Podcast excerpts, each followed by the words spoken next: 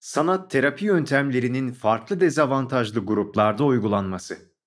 Elmira İskenderova Baş Psikolog, psikodramatist, psikoterapist. Sanat bir serüvendir.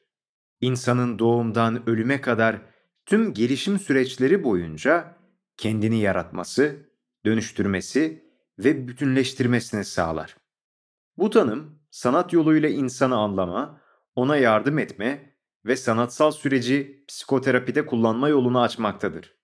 İnsandaki yaratıcılığın ilk ham izleri küçük bir bebeğin annesinin yokluğunda zihninde onun tasarımını canlandırabilmesinde, ilkel insanın korkularıyla başa çıkmak veya sorunlarının çözümünü sağlamak için mağara duvarlarına yaptığı hayvan resimlerinde gerçeklik sınırlarını kaybederek hiçlik ve boşluk duygusuna düşmüş bir psikotik hastanın hezeyan ve halüsinasyonlarında takip edebiliriz.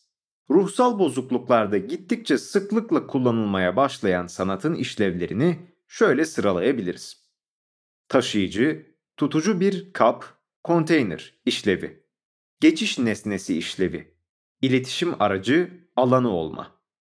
Dışlaştırma, somutlaştırma, kalıcı görsellik. Dürtülerin yıkıcı olmayan biçimde dışa vurumuna olanak sağlama. Terapötik, kohezyon, enerji oluşturma. Düzeltici duygusal deneyim sağlama. Katarsis. Uzamsal, uzaysal yapı. İmge, imaj, sembol oluşturma. Narsistik yatırım yoluyla kendiliği besleme. Süblimasyon yoluyla dürtülerin düzenlenmesi. Savunmaların olgunlaştırılması. Sanat psikoterapisi, terapötik sürecin bir parçası olarak sanatsal bir yaratı, ürün oluşturmanın kullanıldığı bir psikoterapi biçimidir. Diğer terapi biçimlerindeki gibi terapist çerçeveyi oluşturur. Hastayı ve süreci değerlendirir.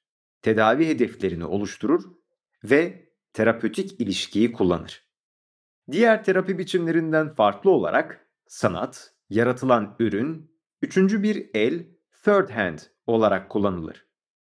Terapist, sanat terapi seanslarını tasarlarken danışanın özelliklerine ve sorunlarına özgün genel ve özel hedeflerini göz önünde bulundurur. Çalışmalarda vaka merkezli çalışma esastır. Çalışma programı bireye özgü olmalıdır. Çünkü her bireyin yetersizlikleri, kapasitesi, gereksinimleri, öncelikleri, beklentileri, semptomları vesaire farklıdır. Sanat terapi yöntemlerinin en önemli işlevi kişide mutlu olma ve kendi potansiyelini harekete geçirebilme etkisi oluşturabilmektir. Dolayısıyla en önemli ayağı duygusal doyuma yönelik ögeler içermelidir. Sanat bunu sağlamanın önemli yollarından biridir. Sanat terapisi tüm dezavantajlı gruplarda çeşitli şekilde kullanılabilir.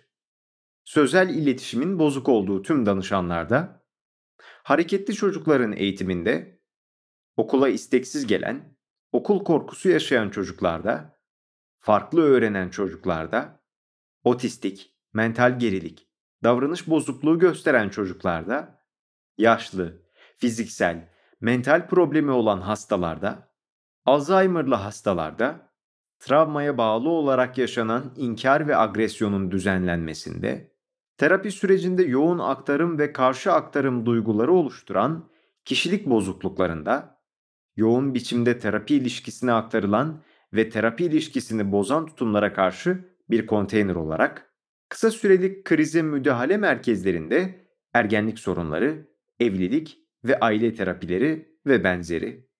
Sanat terapi yöntemleri bireysel, grup ya da aile görüşmelerinde kullanılabilmektedir. Kişisel gelişim ve destek gruplarında, eğitimde, profesyonellerin psikoterapi eğitiminde oldukça yararlı bir araç olarak kullanılmaktadır.